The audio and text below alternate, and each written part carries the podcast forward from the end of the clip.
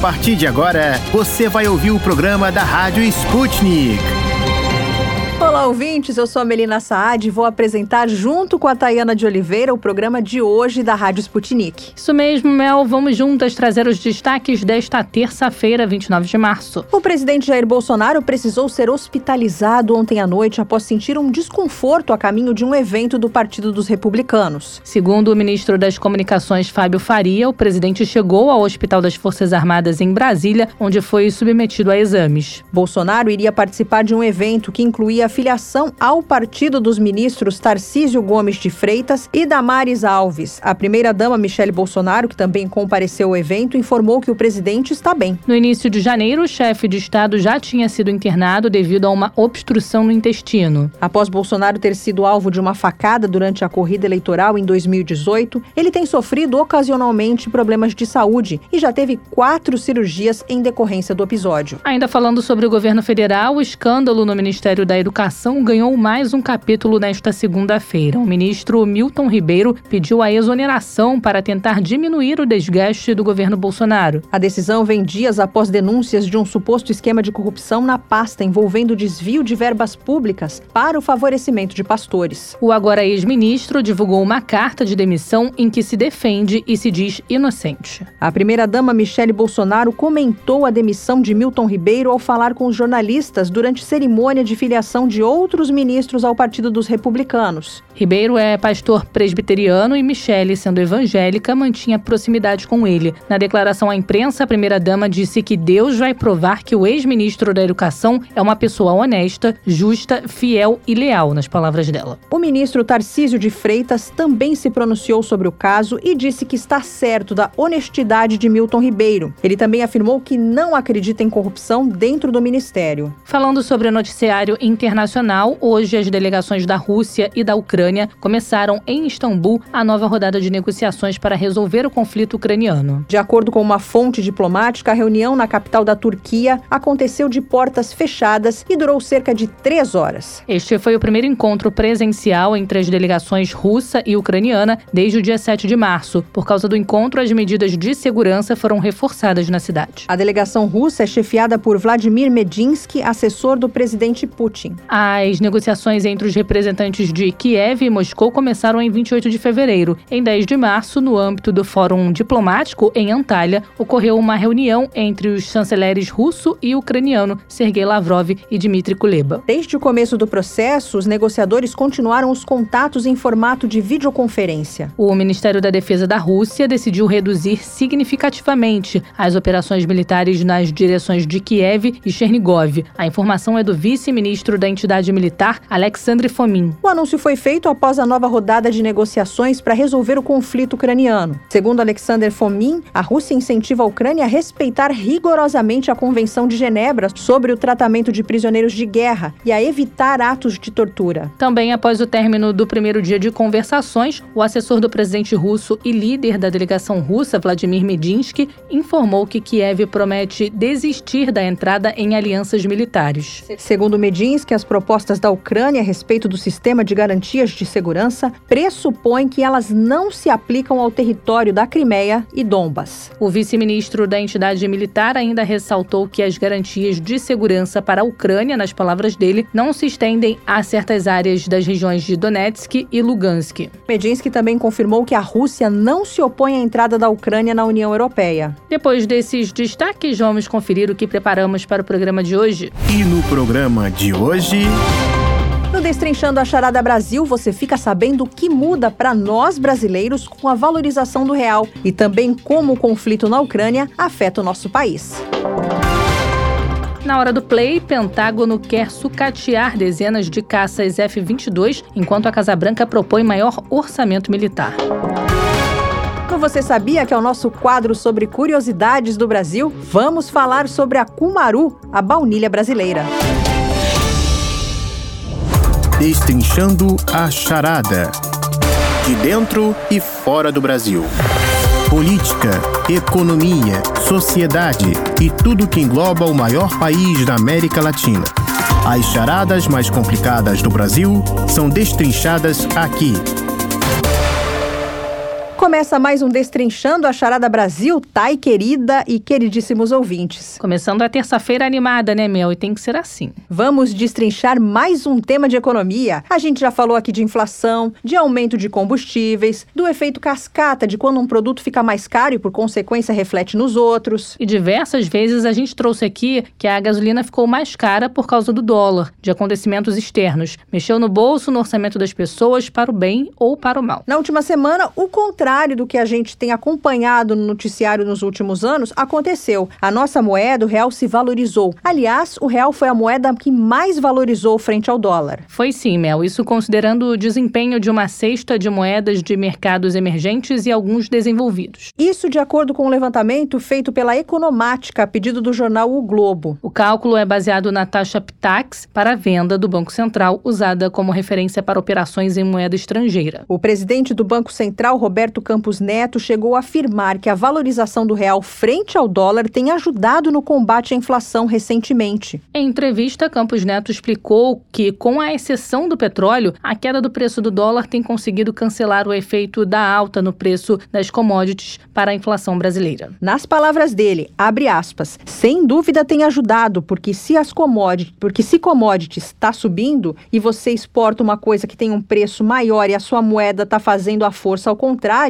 fazendo com que isso não gere inflação local, o conjunto das forças é positivo, fecha aspas. Para o presidente do Banco Central, há quatro fatores que sustentam essa possível melhora. Primeiro são os números fiscais que estão melhores. Em janeiro, a arrecadação foi 18,30% maior do que no mesmo mês do ano passado. O segundo fator foi o movimento do Banco Central de alta nos juros que aconteceu antes de muitos países no mundo. Taxa de juros mais altas atraem recursos. Campos Neto ressaltou ainda que trouxe credibilidade para o país. Em terceiro, citou a alta nas commodities que beneficia as exportações brasileiras. E em quarto lugar, ainda de acordo com o presidente do Banco Central, há um entendimento mundial de que empresas do Brasil enfrentam melhor um cenário de inflação alta que está ocorrendo no mundo todo. Ainda sobre a entrevista do presidente do Banco Central, concedida neste domingo para a TV Band, Campos Neto voltou a dizer que acredita que o patamar de juros em 12,75% deve ser suficiente para entregar a inflação em 2023 na meta de 3,25%. 25%. Agora, tá, economia à parte, o brasileiro quer saber se as coisas vão ficar mais baratas, se o nosso dinheiro vai valer mais. Justíssimo. Depois de tantas altas, queremos saber se há esperança. Quem é que não está cansado de fazer conta, né? Eu sei que eu tô, acredito que os nossos ouvintes também. Vamos chamar então quem entende do assunto para nos dar uma aula. Seja muito bem-vindo ao nosso programa, professor Istvan Kasnar, ele que dá aula de Economia, Administração e Finanças na Faculdade Getúlio Vargas. Depois de um longo período de desvalorização, o real começou a reagir e teve uma valorização recentemente, sofrendo ainda com o preço dos combustíveis dolarizado. Qual é o impacto disso na inflação brasileira? Sobre esta questão de valorização do real, mesmo que a gente esteja vivendo agora uma taxa de inflação crescente e muito elevada, e o Banco Central esteja puxando a taxa Selic para patamares de 12,75%, o que é inédito, pois temos que pensar que a taxa estava muito próxima dos 2% em janeiro de 2021. A gente sabe que uma elevação de custos do capital, da liberação de créditos em função da elevação da Selic, puxando o custo do contrato de mútuo, do custo do capital de giro, de outros tipos de empréstimos, não necessariamente significa que isso acabe sendo o epicentro da visão da formação de investimentos e do PIB brasileiro. Então, desse ponto de vista, para nós aqui dentro, quando há uma destruição lá fora, como que de um celeiro grande de produtos agrícolas, como é o caso da Ucrânia, teremos as nossas commodities agrícolas, soja, milho, laranja, todos esses produtos e muito mais, inclusive no campo da bovinocultura, as carnes frigorificadas e tal, subindo de preço. E mesmo que tenhamos uma sobrevalorização cambial aparente, com o câmbio agora instituído patamar de 4,8, 4,9, continuaremos exportando, porque a demanda reprimida e a demanda existente no mundo é muito elevada. E a China puxa essa demanda, dado o seu crescimento e o imenso mercado que possui e que criou ao longo destas últimas duas décadas e meia. Então, para o Brasil, a taxa de câmbio sobrevalorizando ou valorizando mais não necessariamente significa no momento um mau negócio. Nós vamos importar com melhores condições e uma série de produtos que antes não estávamos importando, quanto mais agora com o zeramento da alíquota das importações acontecendo, permitirá que tenhamos uma cesta de produtos mais diversificada, mais enriquecida, o que evidentemente vai beneficiar aqueles que têm alto poder aquisitivo. Em relação às exportações que foram favorecidas com a alta do dólar, a valorização do real atrapalha? A gente tem que lembrar que a valorização real do próprio real significa moeda brasileira mais forte e valorizada aos olhos dos importadores estrangeiros. Logo, isso significa que, a rigor, os estrangeiros receberão menos reais e pagarão mais moedas estrangeiras, como euro, dólar, iene, o que for, para obter as nossas mercadorias. Isso pode sim inibir a demanda estrangeira por nossos produtos. Mas o Brasil, hoje, no contexto mundial, está sumamente bem posicionado no que diz respeito à estratégia de desenvolvimento e evolução agrícola. O mundo percebe que, em que pesem nossas entre-safras e mudanças climáticas que afetam as próprias safras, há regularidade no Brasil no processo de oferta de commodities. O milho, a soja,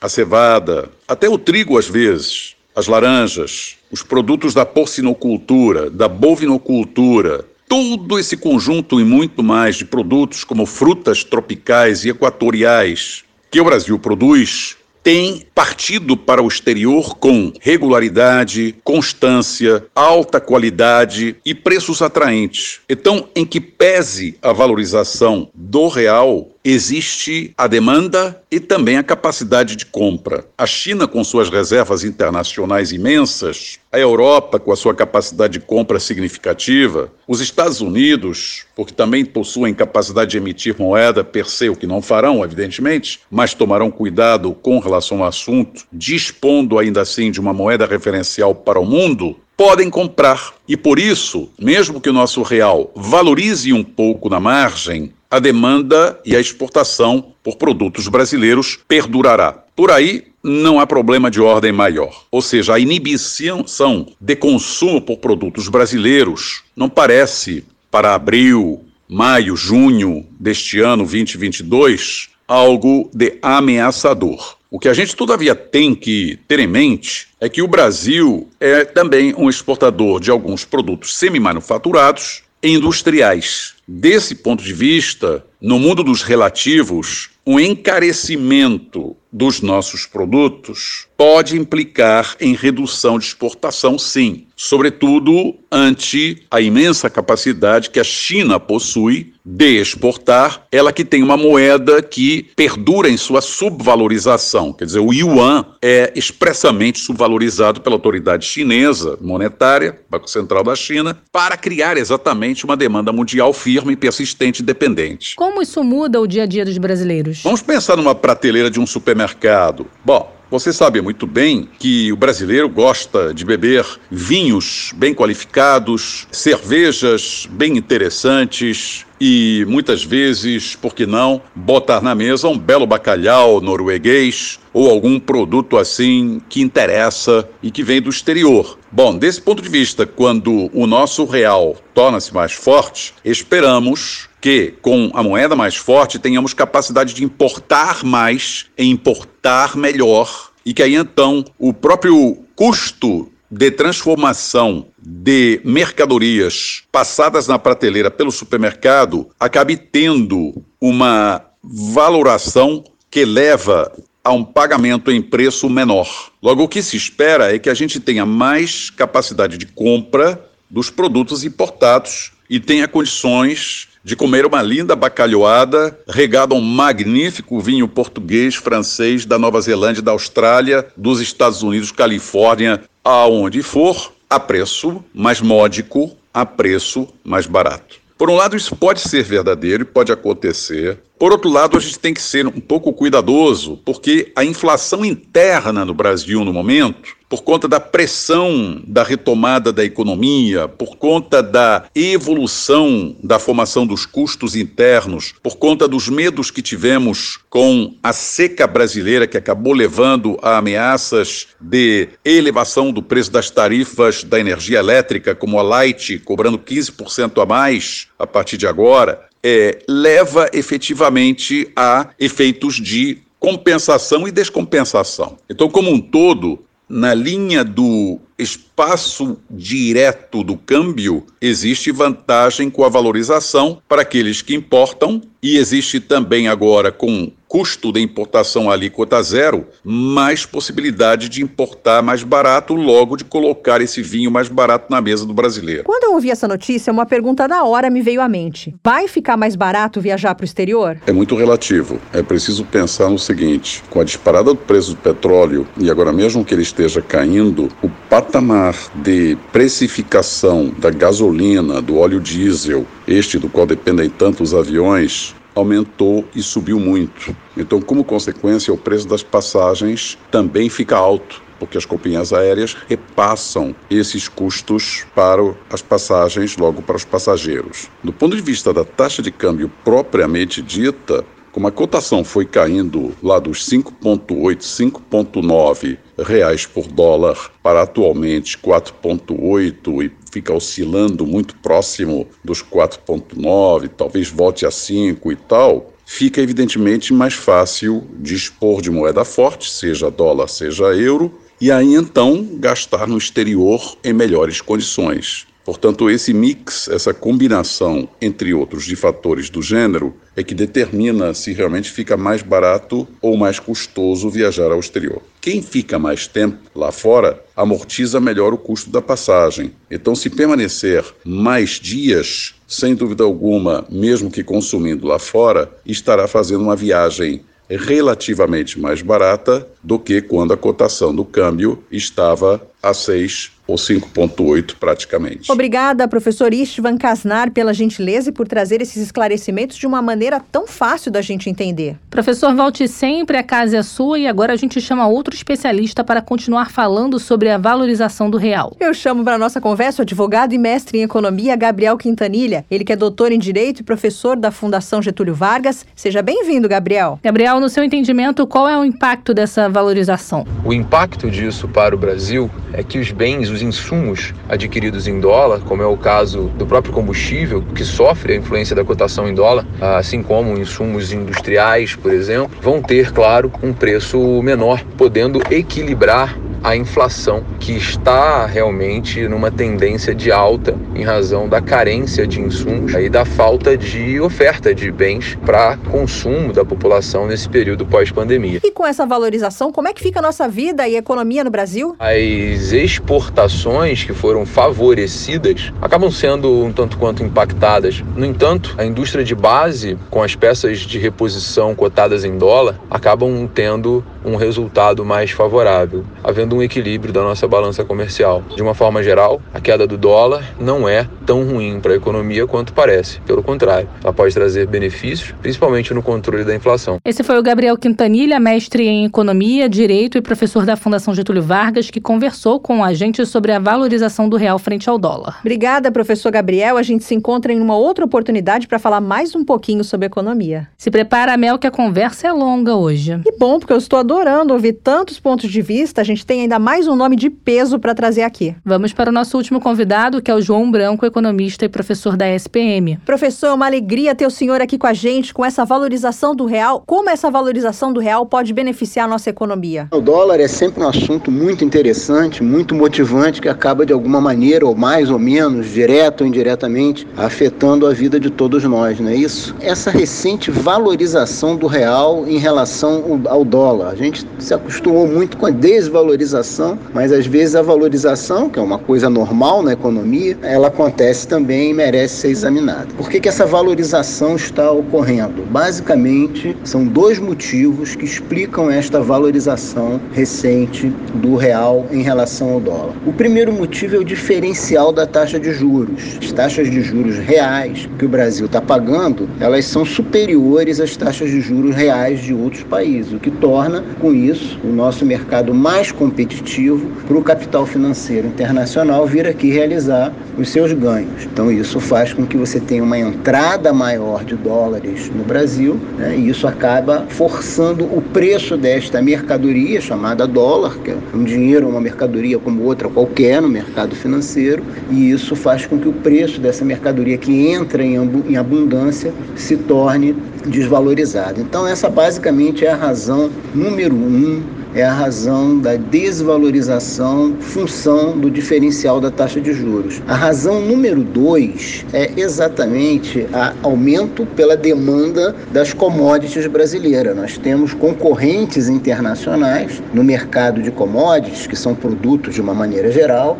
e esses produtos, de uma maneira geral, você tem entre eles o petróleo, você tem produtos ligados à lavoura, soja, enfim, uma série de chamados genéricos genericamente de agronegócio. Ocorre que Ucrânia e Rússia, que se envolveram no, nesse conflito, são concorrentes nossos no mercado, respectivamente no mercado de commodities, do agronegócio, e também no mercado de petróleo. Ora, com esses dois players, com esses dois concorrentes nossos fora temporariamente do mercado, a tendência é que nós nos tornemos um competidor né, mais assediado, digamos assim, no mercado mercado e que passa, portanto, a vender mais. Ora, novamente, isso faz com que haja novamente uma maior entrada de dólares referente a essas exportações e uma maior entrada de dólares leva naturalmente a uma desvalorização do dólar frente ao real. João, como ficam as exportações? Uma desvalorização do dólar, uma valorização do real, ela acaba tornando os nossos produtos exportados menos competitivos. À medida em que a nossa moeda se valoriza,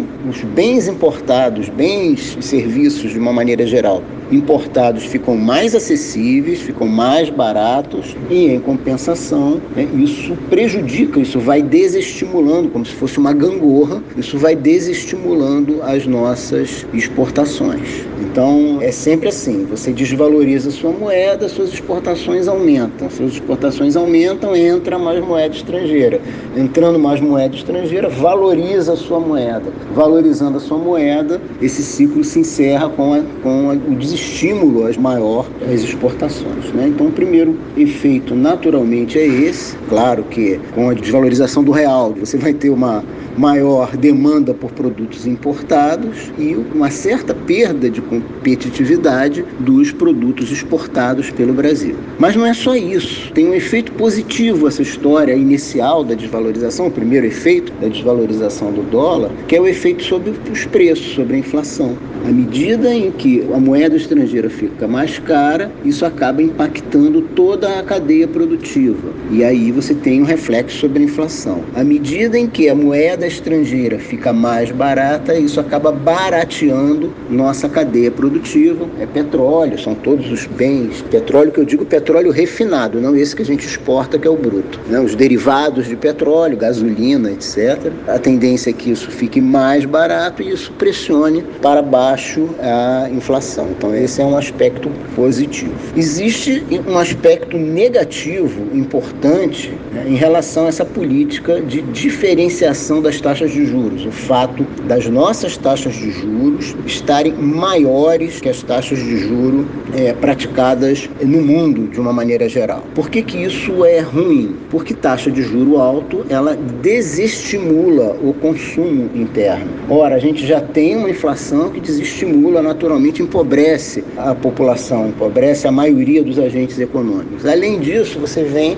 com uma taxa de juros muito alta. A taxa de juros alta, ela também desestimula a atividade econômica, ela faz com que a economia não cresça e a gente fique num ciclo perigoso, ruim, adverso, como que a gente está vivendo agora, que combina taxa de inflação alta né, e baixo crescimento ou nenhum crescimento econômico, também genericamente conhecido como estagflação. Então, como eu falo, as coisas sempre têm uma compensação. Esse diferencial de taxa de juros, ok, traz mais dólares para o Brasil, vai certamente provocar alguma queda nos nossos preços, vai ajudar a controlar a inflação. Por outra, isso diminui a atividade econômica, isso diminui o próprio crescimento do país, porque as pessoas consomem menos e consumindo menos a economia funciona de uma forma abaixo do que poderia. Obrigada, professor João. A gente quer continuar contando com o senhor aqui nos nossos programas. E é com esse clima de fé e esperança por conta do que nós ouvimos dos nossos especialistas que nós encerramos aqui. O assunto, né, Thay? O nosso Destrinchando a Charada Brasil continua. Continua assim, Mel. Há mais de 10 mil quilômetros de distância da Ucrânia, o Brasil sofre os efeitos econômicos do conflito no país. Um modelo de escoamento de produção majoritariamente rodoviário em um país continental, a variação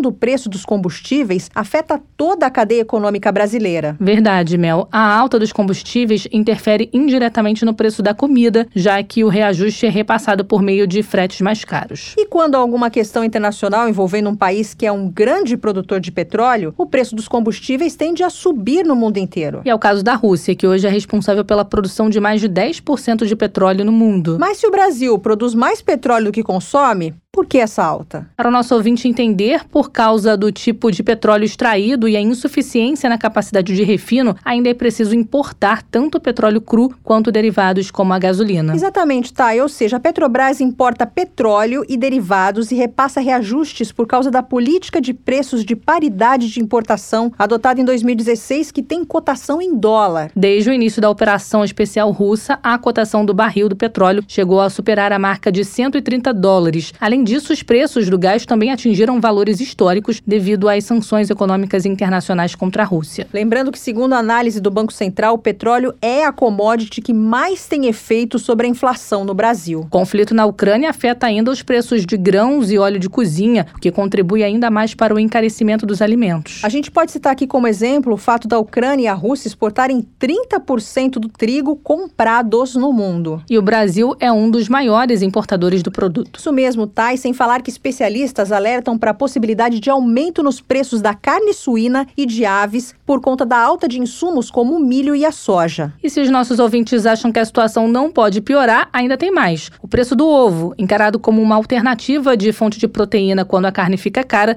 também deve subir. Reajuste em cima de reajuste, tudo fica mais caro e quem sofre é o consumidor. Pois é, Melina, mas a gente tenta buscar uma solução. E para entender melhor tudo isso, vamos conversar com o professor de economia da Fundação Getúlio Vargas, Mauro Rochlin. Muito obrigada por atender a Sputnik, professor. O modelo de escoamento de produção majoritariamente rodoviário num país continental como o nosso pode levar a impactos significativos devido à inevitável elevação do preço dos combustíveis com os bloqueios ao petróleo russo? Sim, eu acho que o fato da gente ter uma malha rodoviária como principal responsável pelo escoamento da produção vai ser responsável por um repasse no aumento dos custos de combustíveis. Isso é inevitável e isso vai ter, portanto, impacto final no preço dos produtos em geral. Há como minimizar os impactos econômicos na economia nacional e de que forma? No meu entendimento, não há nenhuma maneira de se evitar esses impactos que o preço das commodities estão sofrendo. Eu entendo que, como a gente vive numa economia de mercado,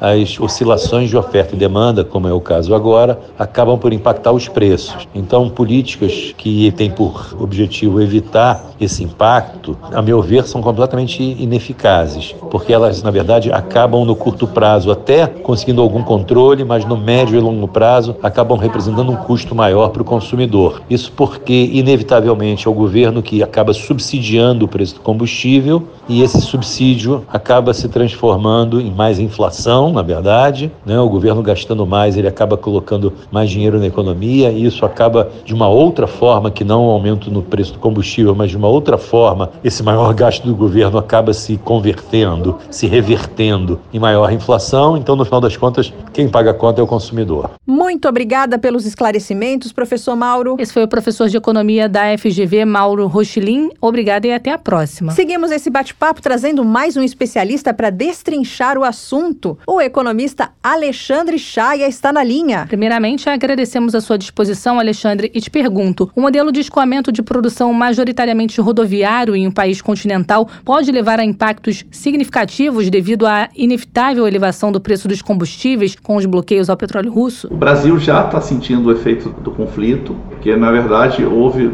alguns impactos nas commodities. O principal impacto foi o aumento das commodities de energia, tanto gás, petróleo, em geral, subiram de preço por conta que a, a Rússia, ela é, tanto a Rússia quanto a Ucrânia, são grandes fornecedores de petróleo e essa falta de petróleo que está chegando na Europa vai fazer com que ele consuma de outros lugares, como existe uma demanda por recursos, o recurso todo fica mais caro. Então isso fez o preço do petróleo subir, impactou não só o Brasil, impactou todo mundo, gerou uma inflação para todos os países. Isso foi o principal impacto direto. Indiretamente o Brasil também sofreu porque a Rússia é uma grande fornecedora de outros dois produtos que são importantes para o brasileiro. Um são fertilizantes então, os fertilizantes que a Rússia oferta, como a Rússia foi proibida de negociar, tá todo, todo esse bloqueio, você não vai conseguir ter essa, essa entrada de fertilizante e esse fertilizante ajuda a melhorar a produtividade da agricultura brasileira. Sem esse fertilizante, a gente vai ter que vai diminuir a produtividade ou a gente vai ter que pagar mais caro por esse fertilizante, impactando no preço dos alimentos. Além disso, outro ponto importante é, que a Rússia produz também é o trigo. O trigo que é utilizado para fazer o básico de farinha de trigo,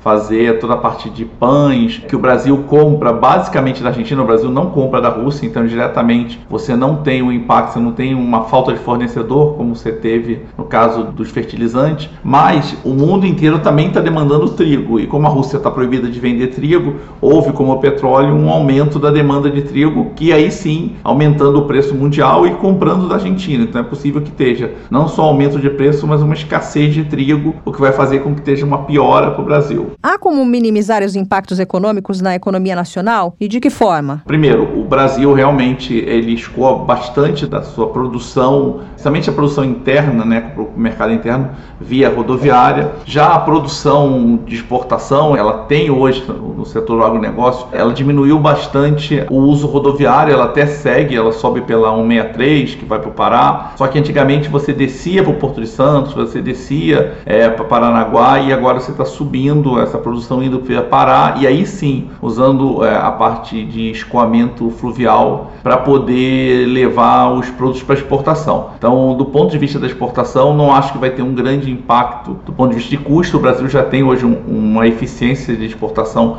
melhor do que tinha há 5, 10 anos atrás, então ele não vai ser tão impactado. Só que para o consumo interno, para a distribuição interna, aí sim isso vai ter um encarecimento, porque para o Brasil, para distribuir internamente nas cidades e mesmo para chegar do campo, né, da agricultura, até os grandes centros urbanos, Rio, São Paulo, Belo Horizonte, Curitiba, Porto Alegre, mesmo no Nordeste, Salvador, Fortaleza, todos isso vem via rodoviária e com isso o aumento do diesel, mais do que o aumento do combustível, do diesel em si vai impactar. O governo está tentando de alguma forma criar algum mecanismo de compensação no diesel que pode, pode diminuir o, o impacto do encarecimento de produtos, mas é muito provável que você vai ter reflexo na inflação. E esse é um dos principais problemas, né? O impacto da inflação, isso vai gerar uma piora na situação econômica como um todo. Então, o impacto vai acontecer muito mais no mercado interno do que no mercado exportador. O Brasil deveria repensar seu modelo de importação de combustíveis ou outros bens para ficar menos sensível a oscilações globais? É muito difícil, né? Esse é um, é um choque é, exógeno, ele é feito não internamente, mas externamente, e isso impacta não só o Brasil, impacta o mundo inteiro. Então é difícil você ter uma economia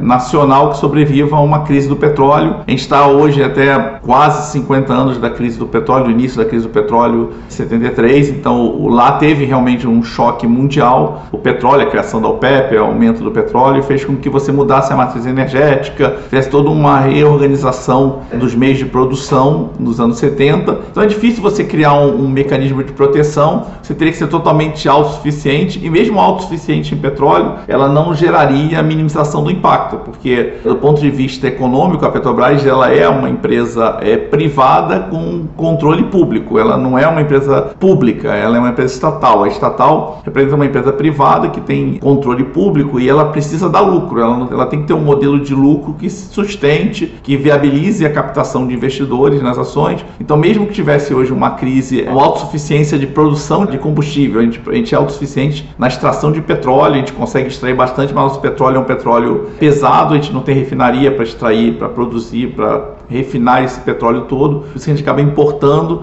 e tem empresas é, privadas que também importam e essas empresas estariam desestimuladas a produzir. Então, mesmo que a gente fosse autossuficiente em produção e refino de petróleo, a gente teria que aumentar o preço para seguir a tendência mundial, dado que a Petrobras é uma empresa privada com controle público. O Brasil teria que se tornar é, mais autossuficiente, menos dependente especificamente de um único produtor, o que é uma organização da cadeia global, não só no Brasil, mas de todos os países. Isso vai demorar um tempo, vai acontecer, a tendência é diminuir um pouco essa interdependência e a gente não, não sofreria tanto impacto. Agora, também ser, auto, ser autossuficiente em produção de fertilizante, em produção de petróleo, em produção de trigo, em produção de produtos que a gente importa, isso também não se torna economicamente viável, porque o Brasil ele é eficiente em produção de soja, em produção de proteína animal, ele tem alguns fatores de extração de minério, as empresas brasileiras conseguem ser suficientes. Se a gente começar a diversificar, vai cair na armadilha que os militares, naquela ideia da substituição de importação, que os militares queriam que tudo fosse nacional e no final das contas você fica defasado tecnologicamente e com um custo mais alto. A população brasileira vai pagar mais caro para poder produzir tudo localmente. Você fica menos dependente de uma crise internacional, mas as crises acontecem esporadicamente, elas não são correndo de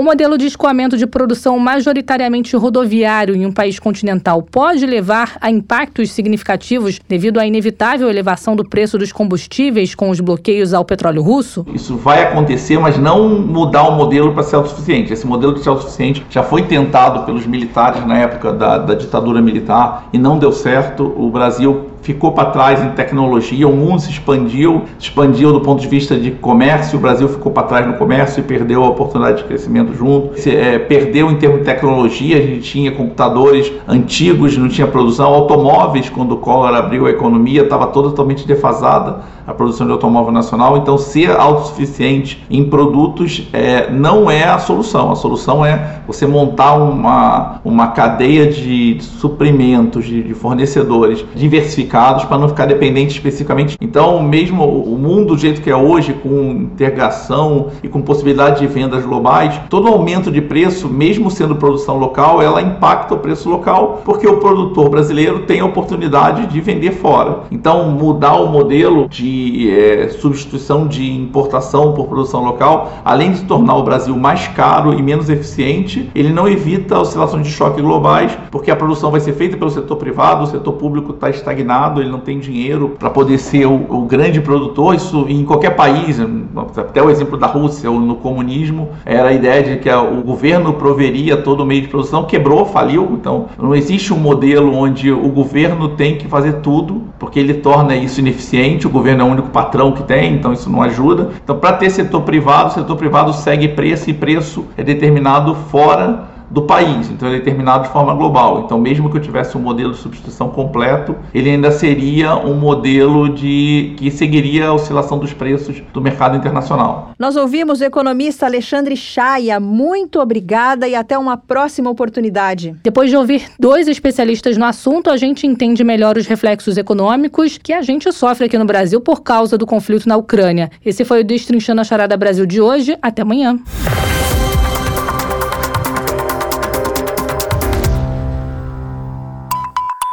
Para ficar por dentro de todas as novidades, tanto mundiais como brasileiras, se inscreva no nosso canal do Telegram.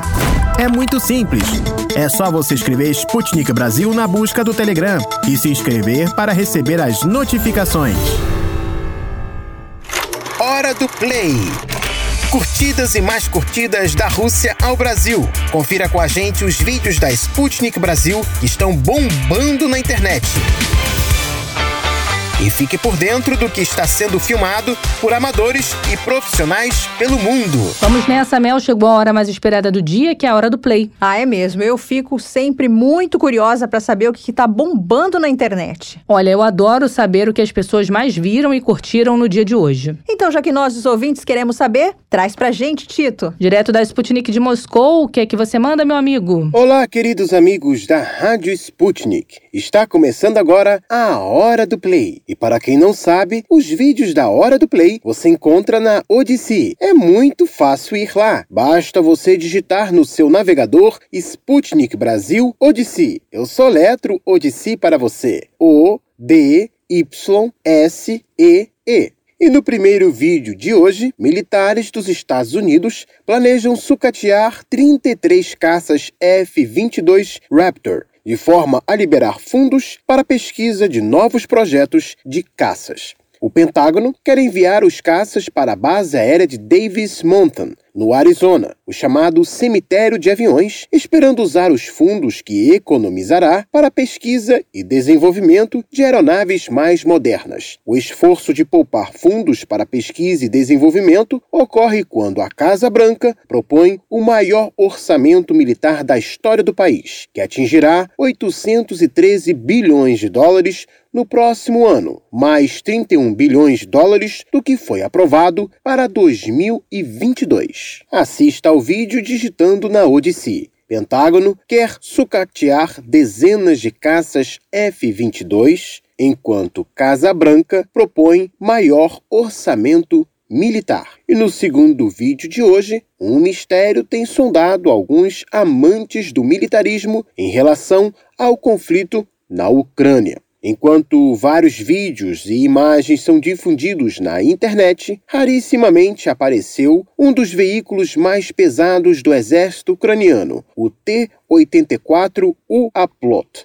Desenvolvido na década de 90 na base do T-80 soviético, o tanque parece apresentar alguns problemas técnicos que o teriam deixado de fora do combate. Para saber mais, digite assim na Odyssey: tanque sumido. Por que os militares ucranianos não usam seu T-84U Aplot. E por hoje é tudo, pessoal. Até mais! Tayana, é impressionante como os Estados Unidos investem na área militar, na área da defesa. Historicamente, o país tem se envolvido em muitos conflitos em vários países, então não podia ser diferente. Exatamente. Até amanhã, Tito.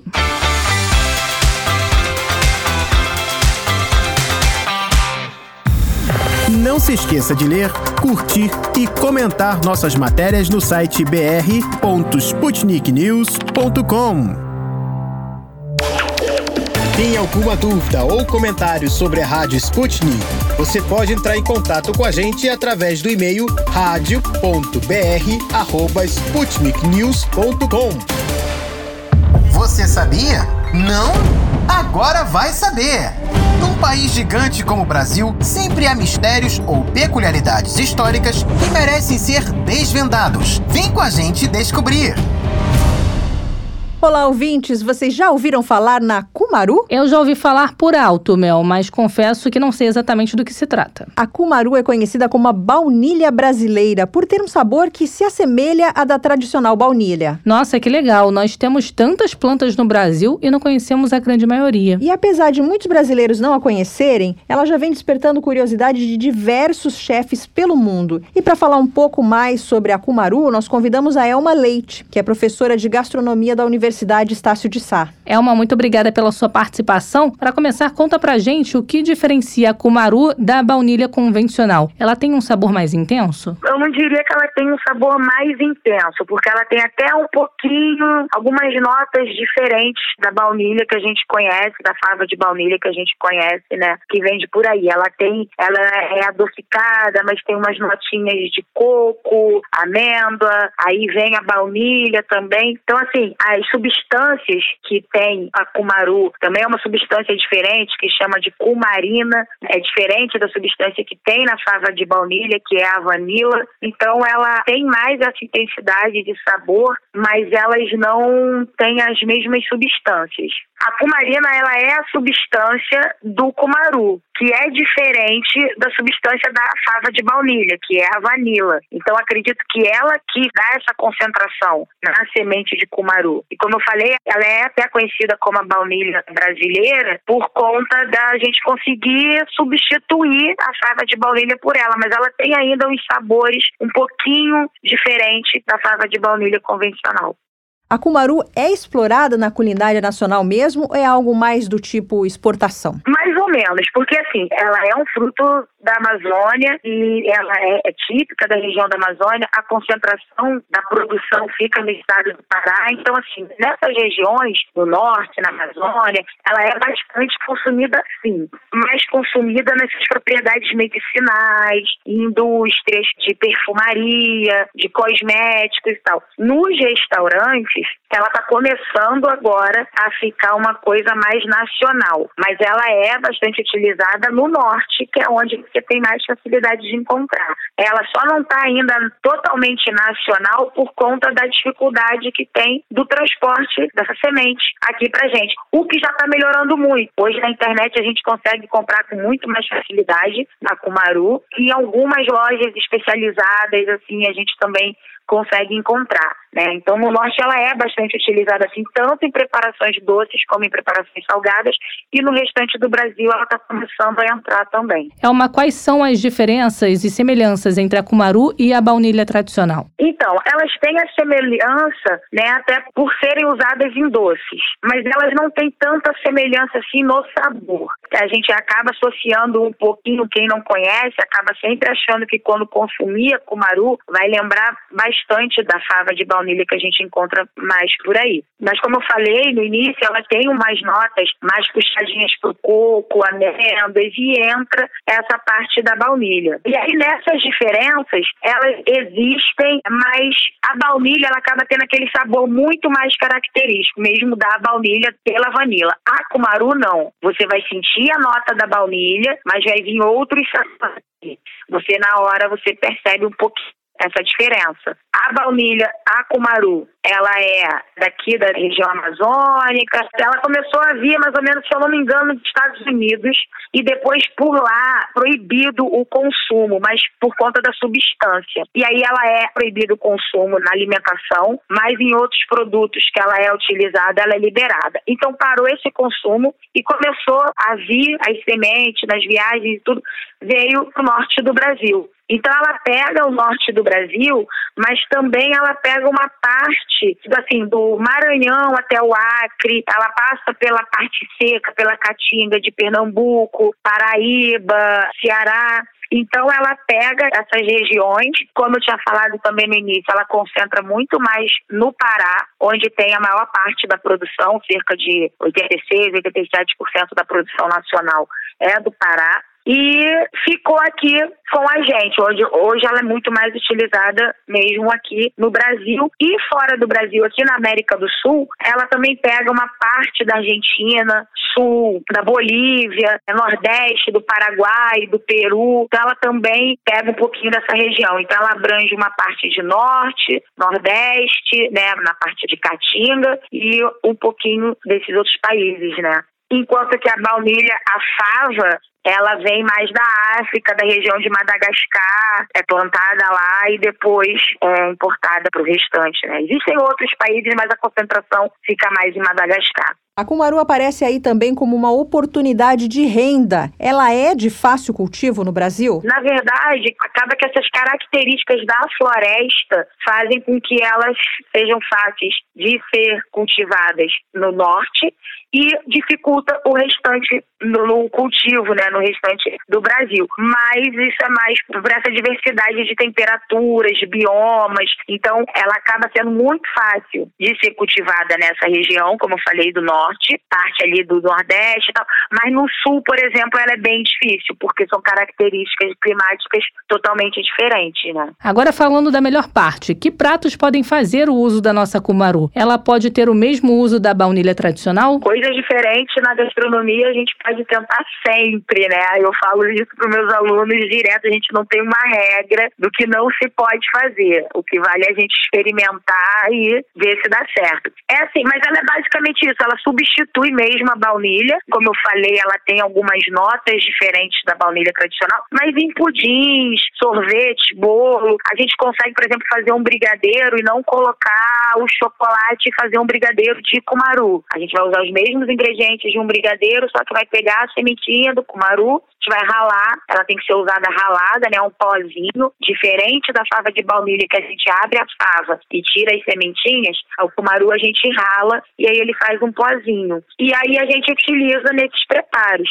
E a gente também consegue utilizar cumaru em peixes, é, frutos do mar, molhos, dessa parte salgada. O que dificulta um pouquinho a gente fazer isso quando a gente usa fava de baunilha, por ela ter um sabor forte e bem puxado pro adocicado. Com a cumaru a gente já consegue colocar nessas preparações. Tem que ter um pouquinho de cuidado, porque ela é extremamente aromática, extremamente saborosa, e aí às vezes a gente, se exagerar, a gente confunde, a preparação deixa de ser salgada para puxar mais pro doce. E nos molhos, por exemplo, dessa parte salgada, a gente pode usar com alguma fruta cítrica, alguma fruta ácida, que aí ela vai dar aquela notinha ali e o cítrico vai ajudar a não dar aquele sabor enjoativo, né, levando para um lado de doce. Mas é basicamente a mesma utilização, a gente consegue substituir, né, o que é bom pelo valor.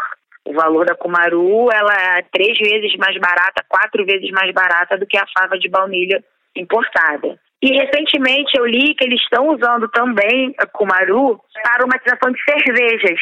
Então algumas fábricas assim já estão usando ela. Ainda não tive o prazer de experimentar uma cerveja aromatizada com Cumaru, mas já vou começar. Quando eu li isso, tem um pouquinho de tempo. Eu li isso, já fiquei curiosa de achar uma cerveja que tivesse para poder ver como é que tá. Nossa, deu até vontade de experimentar o brigadeiro de cumaru. Eu fiquei com vontade de experimentar todas as receitas, inclusive a cerveja. Falando de uma forma geral, Elma, quais são as principais vantagens da cumaru em relação à baunilha tradicional? Ela, por ter um sabor mais apurado, a gente acaba utilizando ela menos quantidade. Então, assim, tem essa questão do valor de ser três vezes mais barata, mas aí a gente também usa menos, né? Então, isso é uma das vantagens. Mas essa é a principal. Agora, em relação à sustentabilidade, esse tipo de coisa também é uma coisa que é bacana, a gente valoriza também o nosso produto. Como é um produto que vem da região lá da Amazônia, onde tem muitas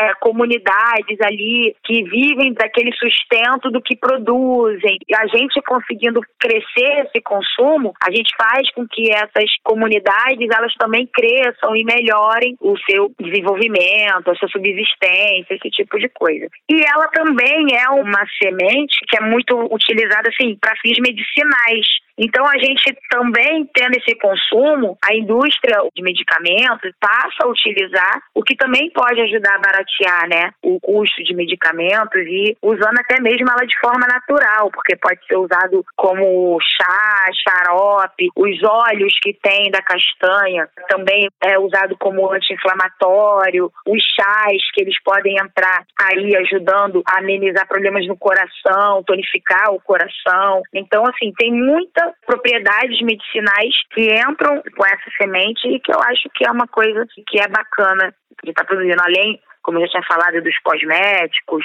a madeira que vai para os móveis, porque ela é uma árvore que é utilizada toda. As sementes, as folhas, a casca. Então, acho que isso é uma coisa legal em relação à sustentabilidade. Essas... São muitas vantagens mesmo. Ficamos na torcida para que a nossa baunilha nacional seja mais valorizada. E que chegue na mesa de todos os brasileiros. Eu já estou doida para experimentar. Somos duas, Mel. Elma, muito obrigada pela sua participação. O Você Sabia de hoje fica por aqui. Até a próxima.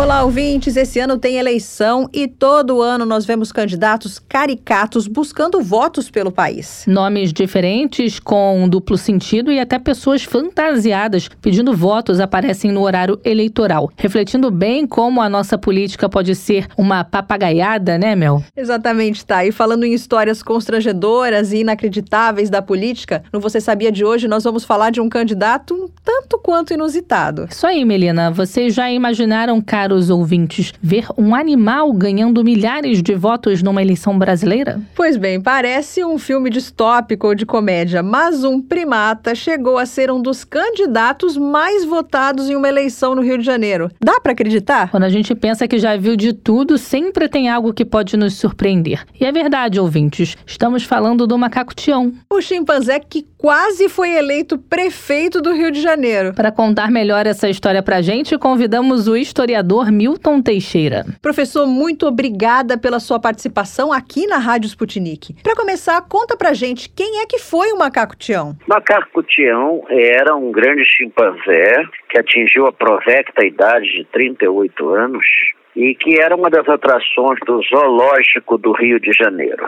No início dos anos 90, com a desilusão que nós estávamos com os políticos brasileiros, um grupo de atores cômicos que pertenciam ao Caceta e Planeta, que era uma revista cômica, resolveu lançá-lo como candidato. Candidato a governador e depois a presidente. A plataforma do Macaco Tião, elaborada por eles, era coerente. Ele prometia dar uma banana aos credores, distribuir terras para todo mundo, porque o Macaco Tião jogava terra em todo mundo, e, obviamente, não roubar. E ele teve uma votação expressiva. Na verdade, ele só não venceu porque a sua candidatura acabou impugnada. Mas fizeram folhetos, eu me lembro dos folhetos dele, vote do macaco Tião, e era, assim, uma espécie de contrapolítica. Foi a primeira vez que se fazia isso no Brasil. Em 1956, você teve o caso do rinoceronte cacareco em São Paulo, que obteve 300 mil votos, mais do que o necessário para ser governador do estado de São Paulo.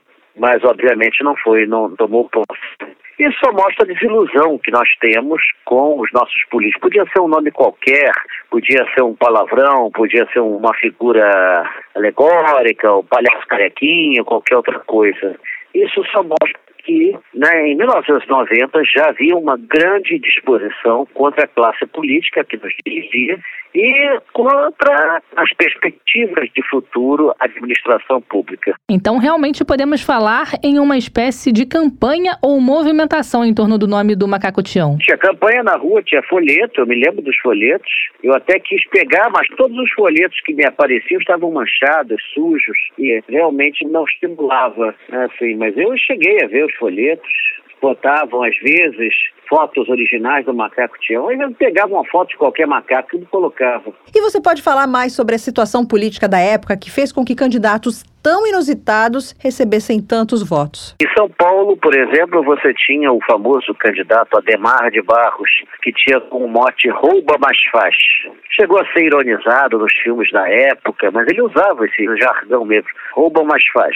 E aqui no Rio de Janeiro nós tínhamos tido uma série de governadores extremamente ineficientes, Moreira Franco, Brizola, as pessoas estavam muito chateadas. E depois na presidência da República você vai ter desilusão com Fernando Collor também, né? E uma coisa, a vice era a girafa. Isso eu me lembro.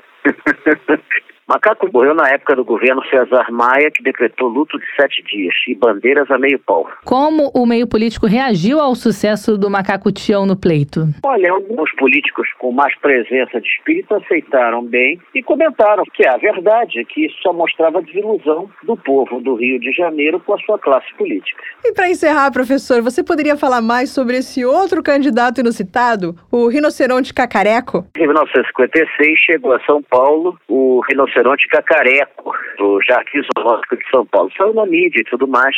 E qual não foi a surpresa nas eleições é, para governo do estado desse mesmo ano o Cacareco levar 300 mil votos. E ele levou mais que o candidato eleito. Mas, obviamente, por ser um bicho né, e não ter um registro eleitoral, os votos dele foram anulados. No caso do Macaco Tião, ele chegou a ser proposto duas vezes ao governo do Estado e o Marcelo Alencar, depois seria governador do Rio de Janeiro, dizia, quando ele morreu, né, que concorri duas vezes contra ele.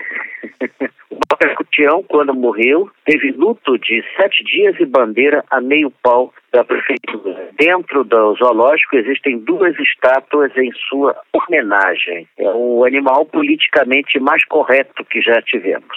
Muito obrigada pela participação, professor. Depois dessa, só nos resta torcer por melhores momentos para a política brasileira. Com certeza, tá. E que nas eleições deste ano nós tenhamos boas candidaturas para que ninguém precise recorrer ao voto em um macaco ou um rinoceronte.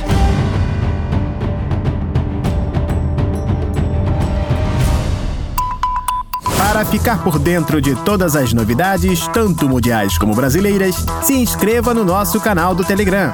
É muito simples. É só você escrever Sputnik Brasil na busca do Telegram e se inscrever para receber as notificações. Não se esqueça de ler, curtir e comentar nossas matérias no site br.sputniknews.com. hora de dar tchau.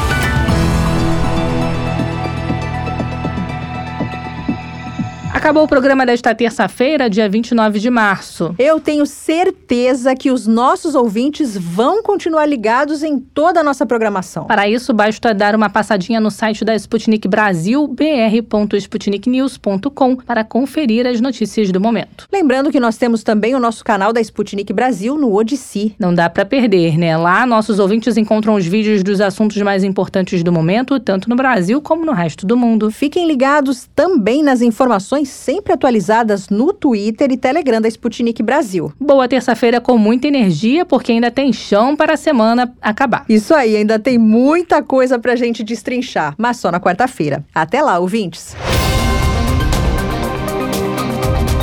Você acabou de ouvir mais um programa da Rádio Sputnik.